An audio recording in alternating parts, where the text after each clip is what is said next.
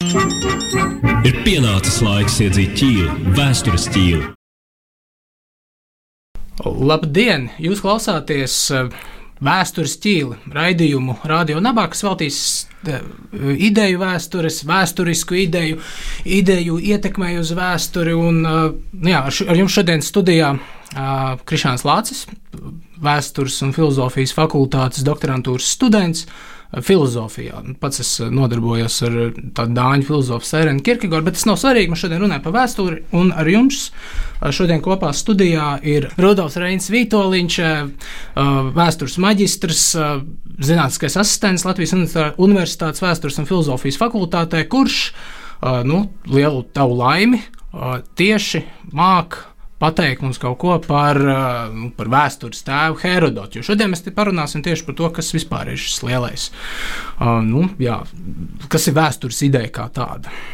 Uh, varbūt sākumā tieši nu, pievēršamies vēstures jēdzienam, jo nu, Herodota darbs, tā arī saucās uh, istorijai.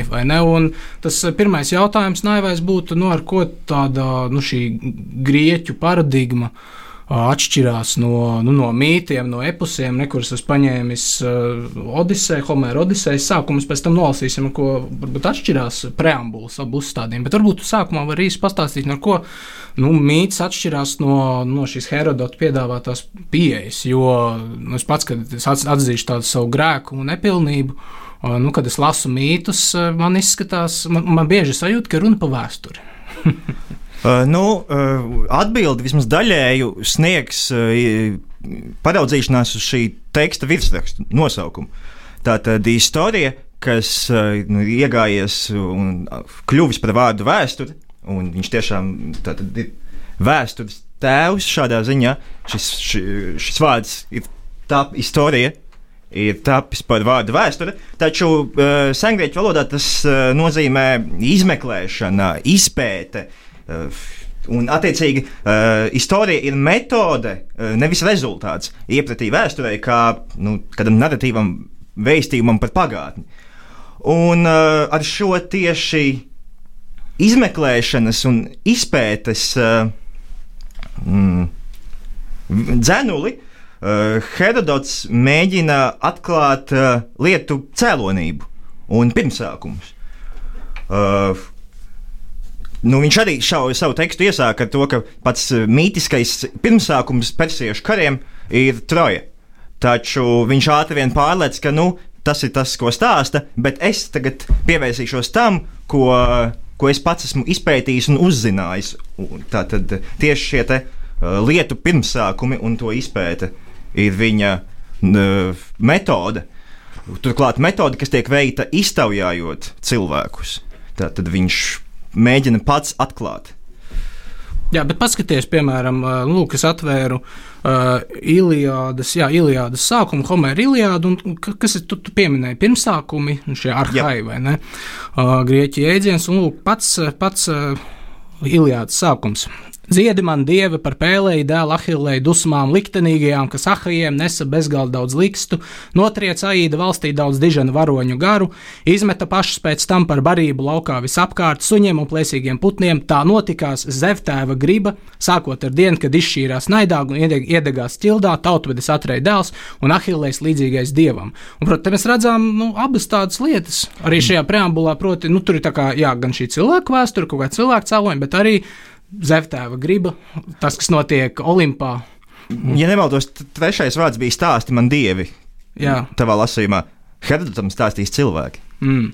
Mm, jā, un nu, redzi, arī, ja, ja man liekas, ja atver Odisejas sākumu, uh, Homēra Odisejas sākumu, tur ir ļoti līdzīga preambula, ļoti līdzīgs tāds sākums. Atkal dziedi man mūzi par radīt, rūdīto vīru, kas ilgi, jo ilgi maldījies apkārt, pēc tam, kad Troja bija sagrāvis svēto, redzējis pilsētas, tralā, tralā, uh, un, un atkal tur tas, tas faktors, nu, tas cēloniskais faktors, ne, ar ko it kā nodarbojas vēsture, ir nu, dievi. Tie ir tie galvenie cēloņi, kuri kaut kādā metafiziskā līmenī jau ir noteikuši vai izcīnījuši savas cīņas, un cilvēki tā kā nu, atdarina, vai drīzāk ir pakļauti nu, jā, nu, šim likteņa vai augstāku spēku noliktējam. Un, eh, nu, kā, un, un, un pie Herodota jau arī nu, tā pavirši uzmetot skatu, tur jau arī dievi o, spēlē kaut kādu lomu. Mm, bet tie teiksim, nekad neparādās tekstā. Viņi neierodās un nedara mm. kaut ko. Mm. Bet varbūt mēs varētu dot ieskatu Herodota preambulā. Jā, paklausīsimies Herodotu. Lūk, Herodota preambulu. Šis ir halikārnāsieša Herodota vēstures izklāsts, lai ļaužu darītais ar laiku nezustu no atmiņas, un lai lielie un apbrīnojamie darbi, gan helēņu, gan barbaru veikti, nepaliktu bez slavas. Cita starp arī, kāda iemesla dēļ tie karoja viens ar otru. Nu, kāda iemesla dēļ? Nu, lūk, un šis viens teikums mums pasaka, kādas lietas četras. Pirmkārt, viņa interese par lietu pirmsākumiem, otrām kārtām viņš norāda, vismaz arī tālāk preambulā, uz zināšanu robežām, viņ, nu, par problēmām iegūt zināšanas pilnībā. Tas nav, tas nav iespējams. Viņš apzinās sevi kā autoru. Pirmie divi vārdi ir Halikarnāsas Herodots. Un viņš apzinās arī nu, lietu mainīgumu. Un, teiksim, vēl papildinot to jautājumu, sarunu par um, šo antīkā mantojumu, grieķu kultūras mantojumu, kā piemēram Odisea un tam līdzīgi, tad uh, uh man tā atbilde būtu trejāda. Pirmkārt, uh, Herodota teksts apvieno divas homēriskas tēmas, kas ir ceļošana un karš. Tā tad um, ceļošana kā etnogrāfija, viņa izpaužās, un karš kā dižani darbi, tikko kas citātā skanēja. Otrām kārtām, viņa teksts sevi iemieslo, iemieso Sofokla traģēdijas mērogus. Nu, paraugamies uz tādiem varoņiem kā Krēsls, Kserks vai Kipsels no mm, otrā plāna spēlētājiem. Tie visi viņa tekstā traģiski tēli.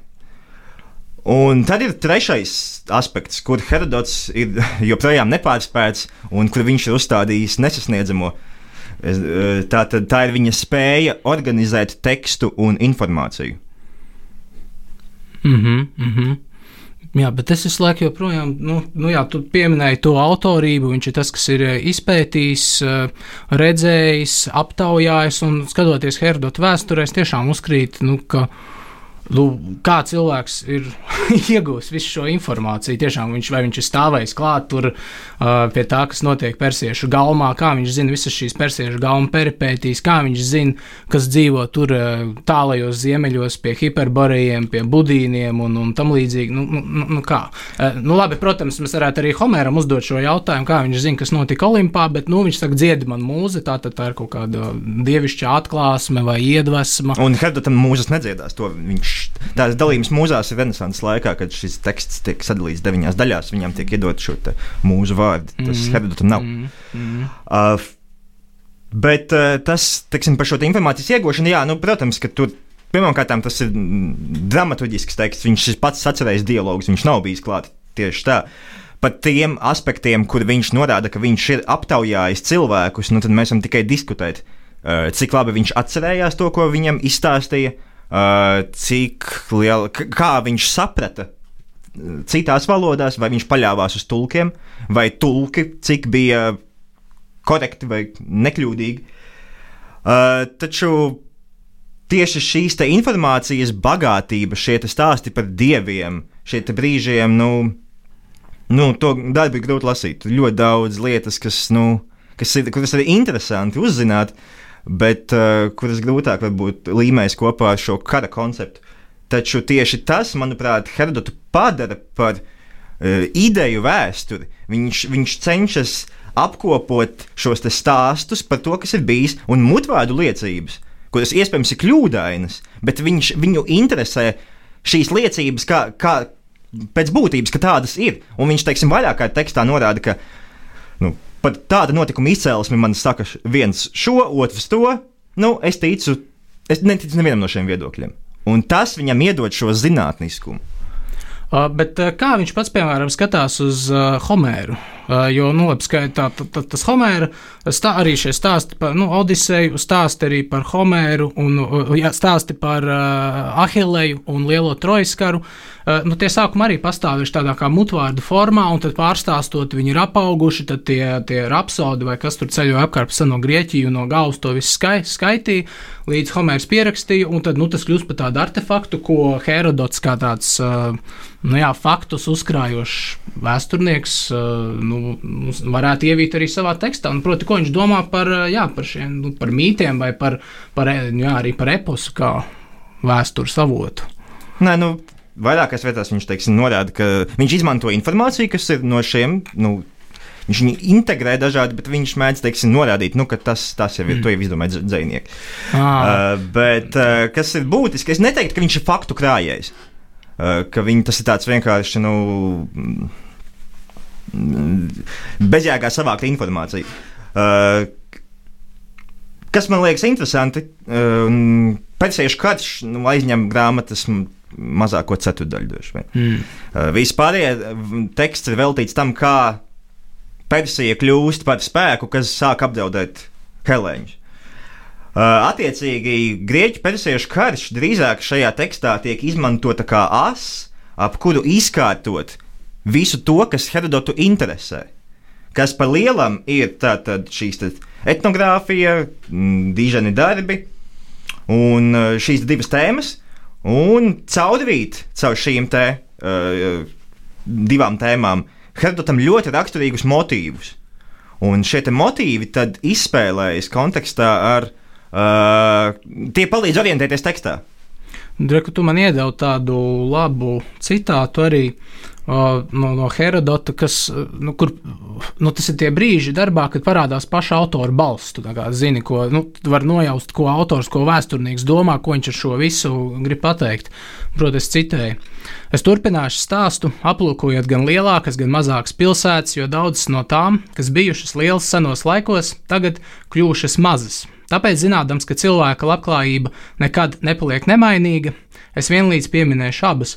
Proti, man liekas, tas ir ik pa brīdim tekstā, mēs arī vēl tam pieskarsimies. Nu, tiešām šīm, jā, Kas arī svarīgi, protams, vēstures nu, disciplīnai, nu, nu, jā, šis mainīgums, laiciskums, pārējošums, tas, ka kaut kas ir radies ir, un pazudis, un, un tiešām tā sajūta, ka, un, lūk, mēs atskatāmies uz Herodotu, un ir runa par 2500 gadus apmēram vecu tekstu, bet Herodots runā brīžiem šķiet par vēl senākiem notikumiem, kas iestiepjas vēl kaut kādā aizlaika tādā vēsturē, kur tiešām nu, var just to nu, to stāvēšanu uz milzu pleciem, vai drīzāk to neredzamo aizbergu, ka ir kaut kādas civilizācijas, kuras kaut kad ir eksistējušas, radušās, nostiprinājušās un zudušas. Un, un, un, nu, Un, un, proti, šo laika un laiciskumu milzīgums un pārējošums, tas man liekas arī tāda nu, uzkrīt.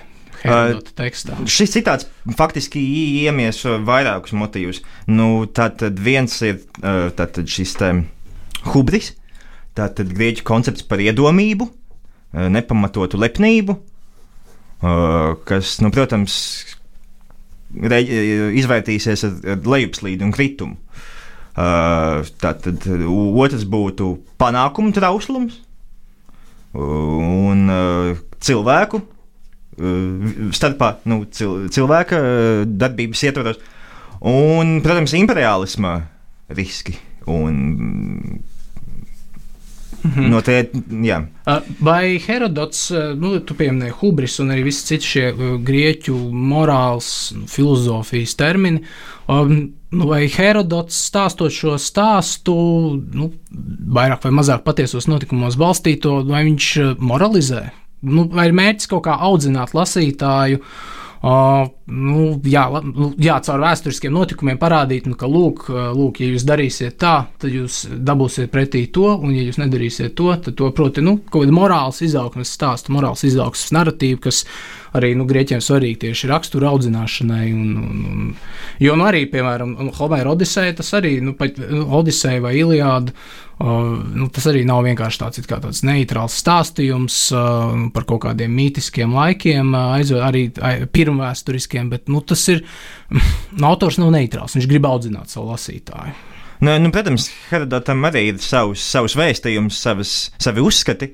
Uh, bet uh, teksts ir izveidots pietiekoši viltīgi, lai tev nebūtu sajūta, ka viņš tevi bar mm. un, un, un, un māca. Bet nu, tas centrālais piemērs. Uh, šis darbs ir vēst, stāsta par grieķu persiešu kariem, bet viņš top faktiski Peloponēzes kara laikā. Kad tā tad, eh, ja, ja viena no tām tēmām, ko mēs varētu ievīt, caurvīt Herda tek tekstam, ir tas, kā Sauliņa grieķu cilšu savstarpēji, lai neteiktu naidīgas, bet vismaz svešinieki savā starpā spēja apvienoties un uh, apturēt Persijas invāziju, tad uh, tagad, kādu laiku vēlāk, viņi cīnās viens ar otru. Peloponēs karās par tieši pret Atēnu. jā. Jā. Un šis, šī ironija viņam noteikti nu, nepaslīdēja garām.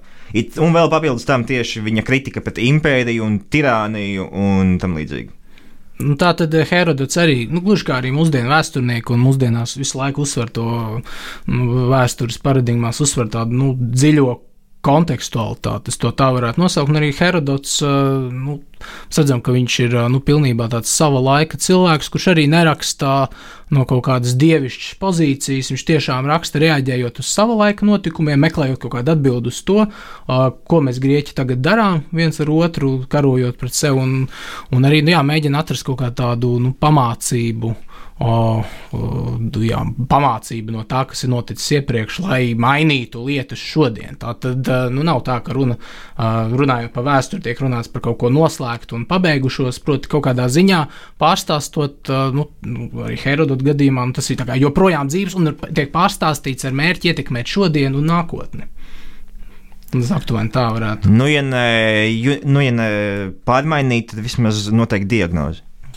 Uh, Kā piemēram ar, nu jā, ar šiem dažādiem skaidrojumiem un cēlonību, jo vēsturē mums ir svarīgi uh, nu, saprast, kāpēc kaut kas ir noticis, un mēs meklējam tos galvenos cēloņus. Un, uh, nu, Herodots, mēs redzam, runājot arī par uh, impēriju veidošanos un grieķu valstiņu veidošanos, uh, viņš tur daudz pievērš uzmanību tieši šai nu, personības lomai vēsturē. Viņš tur apraksta, kādas tur ir visādas uh, gan slepenās, gan privātās intereses un kaislības dažādiem valdniekiem, kas viņus ir motivējuši sasniegt to vai to, novākt to vai to pretinieku, pieņemt tādus vai citādākus likumus, proti, nu, jā, šis personības loma vēsturē, bet ā, ā, nu, no otras puses. Uh, nu, labi, personības loma tas būtu viens. Otrs, uh, bet ko viņš saka, tu pats esi rakstījis, piemēram, uh, savus darbus, savus pētījumus par, uh, par, nu, jā, par pārdabisku arī kā iespējamu cēlonisku faktoru. Herodota darbos, proti, nu, kaut kādi pārdabiskie notikumi, dieva iejaukšanās vēsturē,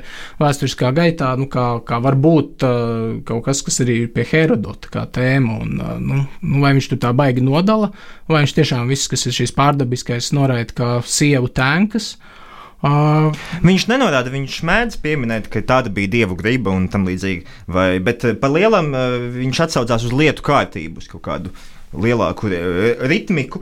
Bet es tomēr neteiktu, ka viņš ir tāds izteikti cikliskās vēstures pārstāvis. Manuprāt, viņš drīzāk norāda tieši uz tendencēm, un tendencēm, kas, kas mīt cilvēkos. Un, un cilvēku raksturus, kuri mēdz būt tie, kas nu, rada šīs impērijas, kas pēc tam viņus pašus sapēda. Un šī, nu, attiecīgi, piemēram, alkatība vai, vai, vai pār, pār, paša, paša, pašpārliecinātība maldinoša.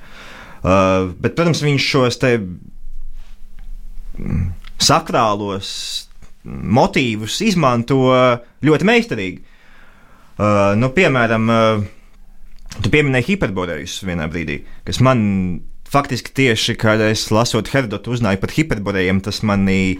Tas man atklāja to, kas man tiešām interesē Herodotā, un tā ir vēsturiskā geogrāfija un tam līdzīgi. Un tad, piemēram, ir šis stāsts, kā hiperboreja dod ziedojumu uz, ziedojumu uz Dēlas salu. Un tad eh, no hiperboreja, tad, tad, kas viņi vispirms nodod skitiem, kas ir tātad tie tālākie ziemeļu, kaimiņi, un tad ziedojums ceļo, ceļo, ceļo, ceļo, kamēr viņš sasniedz Dēlas salu. Un Herdots apraksta, ka nu, tālāk viņš no skitiem iet uz Kaspijas līdz Adrijas jūrai. Tad viņš sasniedz Dodonu, kas ir orakulis, otrs pēc Delfiem nozīmības ziņā. arī svētā ozolbirs Dodonā, vai ne? Jā, un tad viņš min, bet, nepiest, bet ziedojums nepiestāja Androsas salā. Un atkal, kur viņš iet? Ja mēs paraugāmies uz vietām, kur viņš ir devies, šis ziedojums ir apstājies, tad tās ir visas ā, šajā te, tur, tieši tā, tur ir dievi un kulta vietas. Un, uh, tas visas ir vietas ar nozīmi sengrīķa sakrālajā geogrāfijā. Uh, kāpēc Dodona ir izmesta? Uh, vienā brīdī tā ir persiešu, viņa ir pieslēdzas persiešiem. Mm -hmm. Un, attiecīgi, tas rada konfliktu ar Atēnām un nu, nepatiku. Un tad viņš viņus izslēdz no šīs savas geogrāfijas. Un, jebkurā gadījumā, šis stāstījums ļoti labi arī viņš aptver to mītisko telpu. Nu, kas, jā, ka, ka sakrālā geogrāfija un arī nu, vispār. Jā, bet, tā iedo, bet izmantojot šo sakrālo geogrāfiju, Herodots jau raksta par reālo viet, tām vietām, kas ir, pers, viņš viņas uh, ieliek šajā kultūra telpā grieķu do, mm. mentālajā. Uh, Nu jā, un, proti, viņš ļauj tā padziļinātāk saprast vispār, kas notiek. Jo, nu, mūsdienās, nu, labi, ne mūsdienās, bet, nu, marksistu vēsturē, teiksim, bija, uh, marksistu vēstures paradigmā bija ierasts, nu, ka, teiksim, šādi faktori tiek vienkārši norakstīti kā, nu, vai nu nebūtiski, vai vienkārši kaut kāda grieķu valdošās tā brīža ideoloģijas sastāvdaļa, nu, kā nebūtisks cēlonisks faktors, ar ko nav jārēķinās, bet, nu, Herodotam tas ir viens no, nu, kā tu iepriekš teici, šīs lielās panorāmas. Tā esam atpakaļ vēstures ķīlī raidījumā par ideju vēsturi un vēsturiskām idejām. Ar jums šodien kopā joprojām ir eh, Krišāns Lācis un Rudolfs Reinis Vītoliņš. Eh, mēs dažādi pieteicām, iepriekš, pirms pāris dažādi pieteicām eh, nu, šīs lielās herodotiskās tēmas, ko viņš raksta un vispār viņa vēstures rakstniecības specifiku.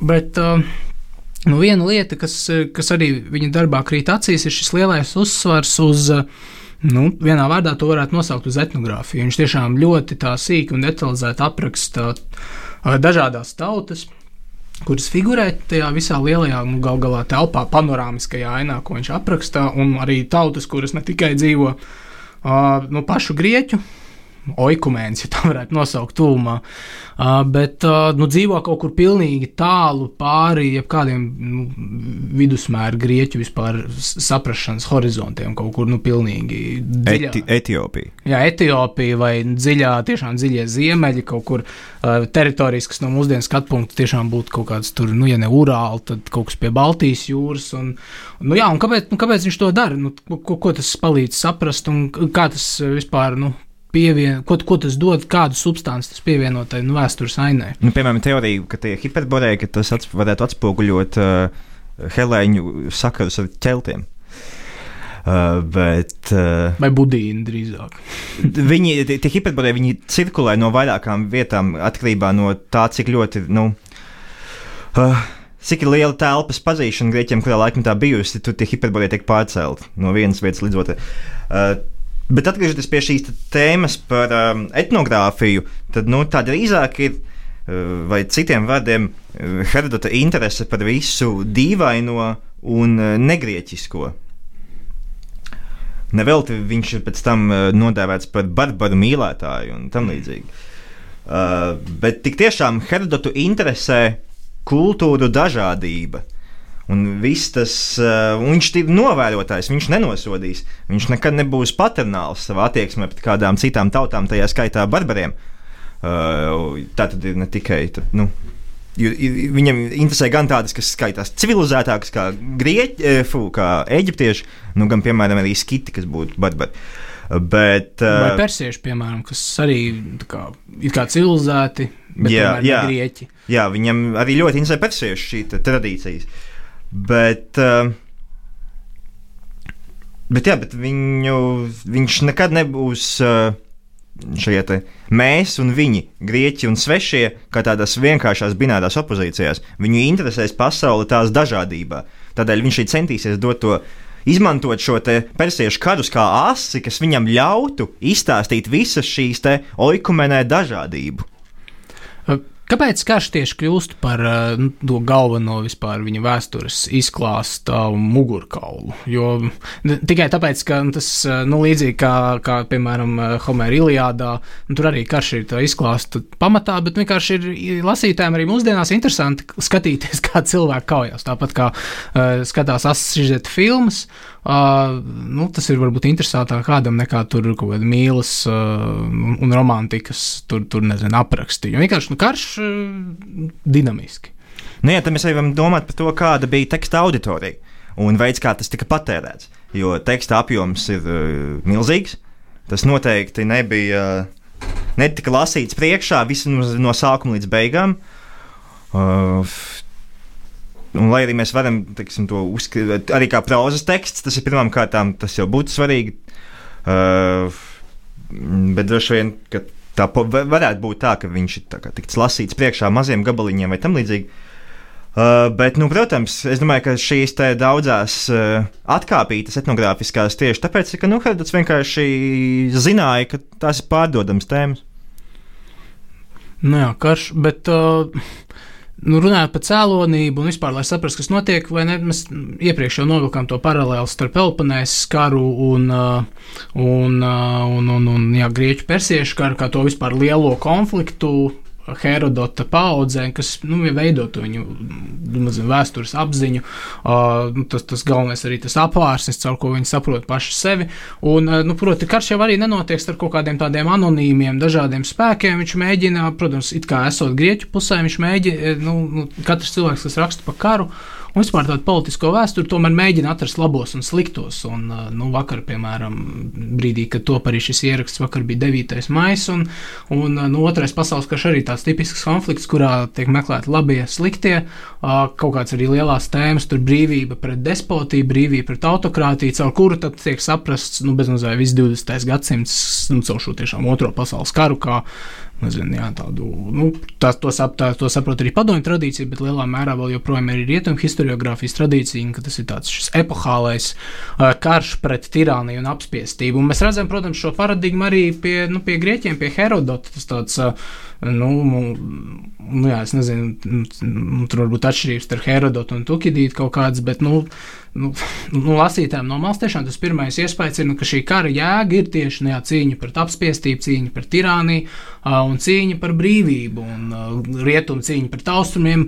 rietumu simbolizē šo brīvību, kā neatkarību, individuālismu, pašnoteikšanos, tad austrumi, nu, tur tirānija, despotija, uh, nu, arī redzam Herodota tekstā, tur tautu masas vienkārši milzīgas, kas tiek dzītas. Un, uh, nu, jā, un redz, nu, 2500 gadus vēlāk šīs nu, joprojām aktuāls tēmas, kā vispār domāt par laiku, kurā mēs dzīvojam.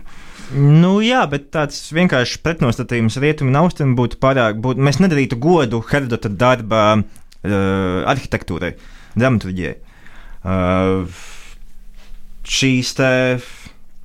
Mm, kā brīdinājums šis teksts tieši cenšas parādīt, ka helēņi nav labākie mm. un ka viņi paši iet pēdās tam, ko ir izdarījuši persieši pašās grāmatas beigās persieši jau ir sakauti, uzvarēti, bet uh, grieķi tātad pāriet uh, vardarbīgā pretuzbrukumā. Un tas štā, šādi tiek veidot tā grezenveida kompozīcija. Un, un, un atkal tur tiek pieminēti grāmatas, pirmās grāmatas varoņi, kā Krēsls un Solons, kas sarunājas par šīm lielajām un mazajām pilsētām. Un, un, un šādā veidā. Tas, tas drīzāk es, es jau atkārtošos pie tā, ko es minēju, uh, Viņu interesē šīs te cilvēciskās tendences, kas sagrauj lietas. Un tur tas parādās, tas dramaturgijas piesitiens viņa, viņa, viņa vēstures eh, skaidrojumā. Eh, bet varbūt uh, tas uzsvars uz karu tieši nu, ne tikai he, pie Herodota, bet uh, arī dažādos mūsdienu vēstures, tādos lielajos sacerējumos. Es redzu arī, ka mūsdienās notiek liela atkal atgriešanās pie šīs kaut kādas uh, personība, vēstures un politiskās vēstures, uh, kas nu, liela daļa no 20. gadsimta nebija tik populāra. Bet, nu, proti, kāpēc, nu, padomāsim, kāpēc karš ir tik svarīgs? Uh, arī viņam tā nu, narratīva as, nu, proti, karš var būt tāpēc, ka iznes nu, dažādas tieši šīs cilvēka labās un ļaunās īpašības, tur drosmi, pašaizliedzību, izturību, arī gļēvumu, nodevību, uzpērkamību.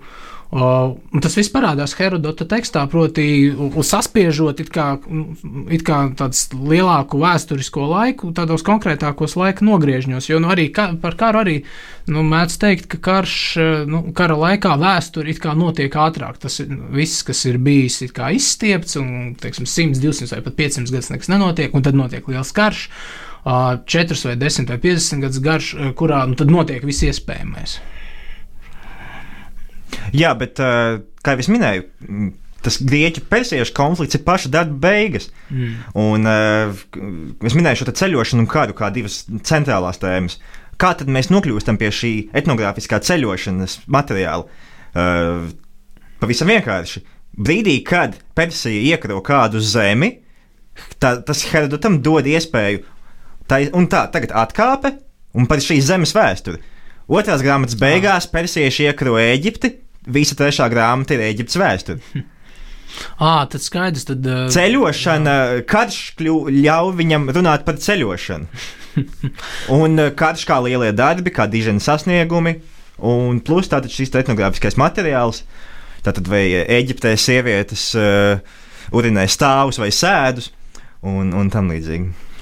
Nu jā, tad, tad tiešām viss, nu, bet tad, tas, tas iespējas var rasties, ka, nu, ka viņš vienkārši karu izmanto tiešām kā tādu uh, nu jā, literāru tropu vai literāru ierīci, uh, kas viņam ļauj tad, nu, aizpildīt tos tukšos punktus, nu, nu, jā, blankus vai tukšos punktus ar, nu, ar, nu, jā, ar, visu, kas viņam šķiet interesants un svarīgs no, nu, no tās vides un pasaules, kurā viņš dzīvo. Uh, bet, labi, bet ko tu teiktu? Nu, jā, tu, tu pats pieminēji, nu, ka grieķu persiešu karš ir pašā beigās, bet nu, ne, nenoliekts, ka arī šis Herodota teksts tiek lasīts.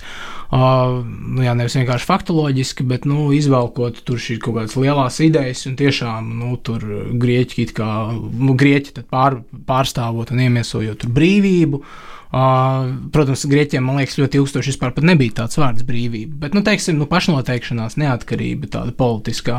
Un, nu, tad varbūt šitie, nu, tad, vismaz tas, kā klasiski šis darbs ir la lasīts, un tad nu, persieši iemieso kaut kādu apspiestību, tur, uh, tirāniju, uzkundzēšanos.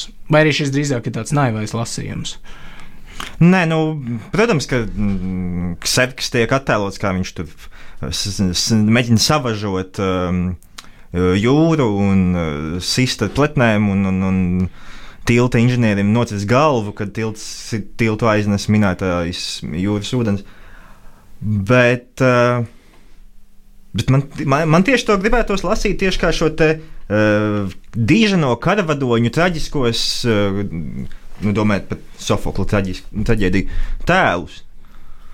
Bet tad eh, karavadoņi ir tie galvenie vēstures veidotāji. Nevis kā mazais cilvēks, kuram 20. gadsimtā vairāk historiografija pievērs uzmanību, un tur eh, nu, franču anāļu skola tur apraksta tur visādus demogrāfiskos zemnieku rādītājus un tam līdzīgi, ko viņi tur ēd un, un tam līdzīgi. Bet Hedžers raksta tieši par to pašu, arī par visiem sīkumiem, kas tiek kā ēd, kā mazgājās un tam līdzīgi. Bet nu, tie galvenie vēstures veidotāji tik un tā paliek šie karakungi. Tā varētu teikt, vai ne? Jo viņi ir tie, kuri, nu jā, kuriem Herodots pievērš uh, lielu uzmanību, apraksta viņu tās personiskās intereses, viņu kaislības, viņu tikumus, uh, viņu ģimenes vēstures arī. Un, uh, un... Bet nu, ko viņš viņus apraksta? Viņš jau viņus palielam rada šajos aprakstos. Mm. Un teiksim, tie, tie paši dialogi, nu, tie dialogi ir viņa paša radīti. Un viņš viņos ieliek, tad arī viņš viņos saliek personas, kas nevar būt bijušas laika biedri. Tā pati minētais citāts par mazajām pilsētām, kas kļūst lielas, tātad Solona saruna krēza, tā nevarēja notikt, eh, nevarēja notikt chronoloģiski. Tātad Herodots kā vēsturnieks, eh, pirmais vēsturnieks vai vēstures tēvs, rada un zemdina vēsturi. Viņš ir izcils stāstnieks, kurš spēja organizēt faktus un uh, informāciju, lai radītu stāstu, nu, kaut kādu mācību. Jā. Bet, uh, Un vēl piedāvājam, vācot šo informāciju, viņš attēlo to, kā šīs teiksim, viedokļi ir attīstījušies un veidojušies. Bet mūsdienās tik un tā, lasot Herodotu, nu, mēs jau nevaram viņu, nu, tāpat kā visu mm, citās lietās, mēs nevaram viņu turēt pie vārda un ticēt visam, ko viņš saka. Absolūti nē, bet viņš nav nemaz tik neprecīzs, kā varbūt uzskatīja senāk. Nu, proti, viņš, tu teiksi, ka viņš ir tāds uzticamāks, vai ne? Viņš ir. Nē, nu, teiksim, arheoloģiskais materiāls ir daudz ko atklājis, kas, nu, ka varbūt. Kas vienkārši nebija līdz šim noskaidrojams, kur Herdots nav kļūdījies, kā varbūt, vai nav bijis tik, tik, tik. Jā. Uh, Nu, tas tāpat kā cilvēks savulaik domāja par to, nu, ka Homērs arī visu troju ir izdomājis. Nu, tad viens uh, arheologs Šlīmans noticēja šim stāstam, aizgāja izraku un atklāja, nu, nē, izrādās, ka tam ir materiāls liecības, ka tas ir atrodams dzīvē. Un, uh, nu, jā, ar Herodotu droši vien līdzīgi, bet redzi, nu, tu, tu pieminēji, Herodots arī uh, rada šos dialogus, rada stāstus. Un, nu, vēl viena tā tēma, kas, protams, izriet no nu, un, un, un kaut kādā ziņā ļauj atgriezties pie šīs sarunas sākuma, ir, nu, jā, vēstures mīti. Uh, protams, viņš it kā mēģina norobežoties no mītiskā izklāsta, bet, nu, stāstot pa vēsturi, arī šajā nu, tādā morālā, nedaudz audzinošā uh, griezumā, Herodots arī pats nu, nu, jā, rada vēsturiskus mītus kaut kādā ziņā. Vai vismaz ir- izveido un jau uz esošo bāzes eh, turpina viņus. Bet tas ir labi vai slikti? Vai no tā arī jāizvairās? Bet vai no tā var izvairīties? Nu, jā, tas ir. Nu, neutralitāte nav iespējama. Man liekas, tas, tas, tas tieši labais arī Herodota teksta nolasāmais ir, nu, ka mēs tomēr dzirdam visu laiku autoru balsu, mēs dzirdam, ka, uz, ko, uz, uz ko tas viss virzās, un ka tiešām parādās šīs lielās tēmas, lielās idejas. Nevis vienkārši tiešām faktoloģisks izklāsts, un arī, protams, pieredzē, un tajā, ko viņš ir uh, noklausījies un savāds, bet ka viņš, uh, nu, jā, viņš apkopo šo uh, visu faktu kopumu, lai, lai izvilktu kaut kādus lielos secinājumus par cilvēka dabu, nu arī lai, vai, lai parādītu, demonstrētu to, ko viņš domā par cilvēku dabu. Uh, Nu jā, nezinu, man gribētos vēl nu, no šiem mītiskajiem pieminēt, uh, nu jā, protams, mēs nevaram apiet spartiešus un, un, un arī filmu, uh, uh, par ko mēs pirms brīža arī paši savā starpā sarunājāmies. Proti, 300 spartieši diezgan laba filma, nesen, manuprāt. Nu, bet- jau sen būs. Eh, Nu jā, nu jau, nu jau diezgan sena, bet, eh, bet nu, spēcīga. Protams, eh, mēs nevaram eh, šādu filmu tā vienkārši skatīties un uztvert par baltu vēsturi, tāpat kā, tāpat kā nu, nezinu, trojas eh, ekranizācija, ko vēsturniekiem patīk arī lamāt. Bet, nu, skatoties šādu veidu filmas, un arī nu, nu, par spartiešiem, es teiktu, ka tur ir ļoti labi parādīts, kā spartieši saprata paši sevi. Uh, Proti, pr proti nu, parādīta tā nozīme. Labi, tur varbūt nav tas faktoloģiskais izklāsts, bet tur ir parādīts, ko tas nozīmē. Kas arī ir svarīgi. Jo, nu, Nu, ar to 300, tad, eh, teiksim tā, es esmu pārliecināts, ka spatiešiem un uh, atēniešiem šī filma patiktu. Uh, un es vēl esmu arī pārliecināts, ka, ja mūs vienkārši kā interesē šie stāsti tieši kā tādam labticīgajam lasītājam, tad ir pilnīgi vienalga. Mēs lasām Herodotu vai skatāmies šo filmu. Šie abi teksti ir balstīti uz mītiem un nepatiesībām. Uh, kopš uh, 20. gadsimta 30. gadiem attiecībā uz Spartu ir pētniecībā tāds jēdziens kā spartiešu mirāža. Ar to tiek saprasts citu kopienu tēlojums par Spartu. Nu, arī dažos gadījumos var būt paši spartieši, bet mums nav pašu spartiešu tekstu, lai reprezentētu to, kā tie vēlas spartiešus redzēt. Uh, nu, un drīzākais, ka tas, ko mums stāsta šie te materiāli par spartiešiem, ir lasāms pretēji. Viņi ir izcili karotāji, nu, droši vien viņiem bijušas kaut kādas problēmas ar karu. Viņi visi dzīvo vienlīdzīgi, ģērbjās vienlīdzīgi, nu, droši vien tur ir bijušas šausmīgas uh, sociālās sašķeltības. Nu, vai, piemēram, 400 gadus politiskā stabilitāte nemainīga. Nu, tas vienkārši nav iespējams. Un, kad mums to stāsta atēnieši, tad visdrīzākais, kas, mm, kad tas jau notiek, kad arī tiek parādās kādas demokrātijas problēmas, tad atēniešu acīs spartieši tiek izmantoti pat tādu kā cēlo mežoni. Viņi tur ēd kaut kādu drausmīgu putru, ir māju ar vienu āmuru, bet viņi toties, viņiem ir 400 gadus politiska stabilitāte. Par termopilu kauju, nu, tas ir lielisks arī piemērs. Um, ja mēs pa, iedzinamies pēc būtības, tad 300 spartiešus, elites vienība, bet 300 spartiešus iznīcināja daudzkārt lielāks persiešu karaspēks. Nu, tas ir pilnīgi pašsaprotami. Uh, tas, kas nāk klāt, kad šī kauja ilga vairākas dienas. Mm, nav jābūt pārāk zinošam militārajā vēsturē, atliek tikai iztēloties hoplītu bruņojumu. Tie nav karavīri, kas spēj cīnīties un kauties vairākas stundas vai dienas. Tas droši vien par minūtēm. Drīzākais šis stāsts ir radīts vienkārši gluži vēlāk, lai, tātad, kā, lai uzlabotu morāli, nezinot vēl, kā izvērtīsies uh, persiešu ekspansija. Un spartiešu stāsts par 300 spartiešiem, viņiem vienkārši tiek pievilkt kaut kāda sudraba maliņa.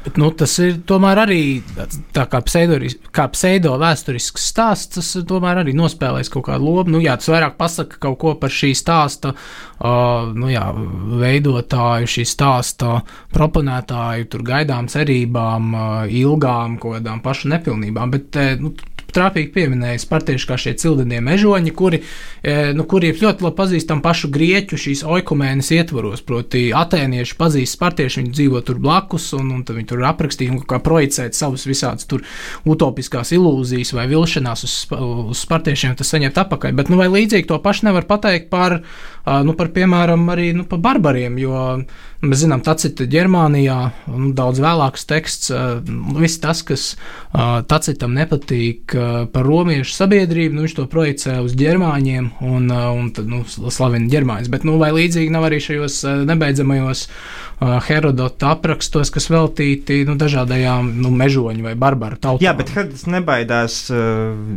vaicāt, vai nu, pat, un diskutēt par to, vai, vai tiešām visas ne grieķu tradīcijas ir tik sliktas, un vai tiešām visas grieķu tās labākās un pareizās. Viņš mm. uzdod šos jautājumus. Attiecīgi viņš arī kļūst par šo barbaru mīlētāju un draugu vēlākos tekstos. Bet, vai varētu, tas, protams, ļoti stulbs jautājums, bet vai varētu teikt, nu, ka Herodots arī raksta tādu kā nacionālo vēsturi? Proti, nu jā, tajā brīdī nav ne nācijas, ne nacionāls, ne tā līdzīgi, bet nu, viņš tomēr raksta no tādas grieķu perspektīvas, uh, grieķiski ieinteresēti un par labu grieķiem, gal galā arī grieķu valodā, un arī esot grieķu pusē, un, protams, tāda nu, zināmā mīlestība un pieķeršanos pret, uh, nu, jā, pret savu tautību, pret to kultūru, uh, ko viņš pārstāv. Uh, atkal mm, atbild vairākās pakāpēs. Uh, Herodots jau nenāk no Atēnām. Ah.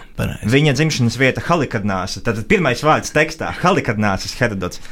Uh, tā ir Anatolijas pussala, tā ir Turcija. Bodruma. Bodruma mūsdienās. Yes. Kolonija Grieķu. Uh, tad viņš bija savam laikam pietiekoši daudz ceļojis. Un viņš tā tad, uh, un šī tad, tad, dzimšana un arī viņa nāve perifērijā, citā kolonijā, tas, manuprāt, tieši dod eh, un ir stimulējis šo viņa panorāmisko skatījumu un centienus nevienu nenosodīt. Tas apraksts, ko tu minēji pirms tam par šo nacionālo vēsturi, tas liek tieši domāt par Tukidītu un par divām vēstures eh, pieejām. Viena tātad Tukidīta būs par Atēnām priekš Atēnām. Mhm. Uh, un tieši šādi teksti var riskēt kļūt par uh, kurināmo materiālu nacionālismam, kādās tās bija agresīvākajās izpausmēs, kamēr Herodots nekad viņš nenosodīs, viņš centīsies paraudzīties plašumā un uz pasaules vienotību, tās dažādībā. Nu jā, viņš Herodots, tu gribi teikt, vairāk arī mēģinās saprast otras puses tur motīvus, iemeslus, kā saprast. Nu jā, piemēram, no ka, ka varbūt viņi tā, viņi tā, dara tā, jo viņi au, nāk no tādas zemes. Mm -hmm. nu jā, un tas arī varbūt no mūsdienu skatu punkta arī būtu zinātniskāk, varbūt pieeja. Labi, mūsu laiks ir iztecējis, un es noslēgšu raidījumu ar tādu uh, labu, manuprāt, ļoti izteiksmīgu Herodota citātu no viņa vēstures, uh, kas nu, gal galā ļauj vispār, manuprāt, saprast, kāpēc ir vērts nu, jā, rakstīt vēsturi, interesēties par vēsturi un gal galā, nu, ko dažādi kā fakti un kaut kādi skaitļi un statistikas aiz sevis slēpj, un ko arī Herodots, teiksim, ar šiem daudziem aprakstiem mēģina parādīt. Lūk, citēji. Bet kamēr cilvēks nav miris, atturies saukt viņu nec par laimīgu, nec par veiksmīgu, taču saņemt visus šos labumus vienam cilvēkam nav iespējams, tāpat kā neviena zeme nav tik pietiekama, pietiekama, lai dotu visu, kas nepieciešams, bet kaut kas viņai ir, bet kādas citas lietas viņai trūkst. Un tā zeme, kurai ir visvairāk labumu, ir pati labāka. Tā arī neviens cilvēka ķermenis nav autarkisks, jo tas viņam ir, bet cita trūkst. Taču tas, kuram vienmēr ir visvairāk, un kurš pēc tam laimīgi nobeigs savu dzīvi, tas, manuprāt, o valdnieki, ir cienīgs saukties par laimīgu cilvēku. Visās lietās taču ir jāskatās to galu, ar ko tās beigsies jo daudziem dievs vispirms deva laimi, bet pēc tam tos pilnīgi iznīcināja. Citādi beigas. Proti, nu jā, arī ne tikai vēstures iemesli un cēloņi, bet arī kaut kāds vēstures gals un uh, nu jā, uz ko vēsture virzās. Ar jums šodien kopā bija Krišjānis Lācis un uh, Dudovs Vitoļņš. Ir pienācis laiks iedzīt ķīlu, vēstures ķīlu.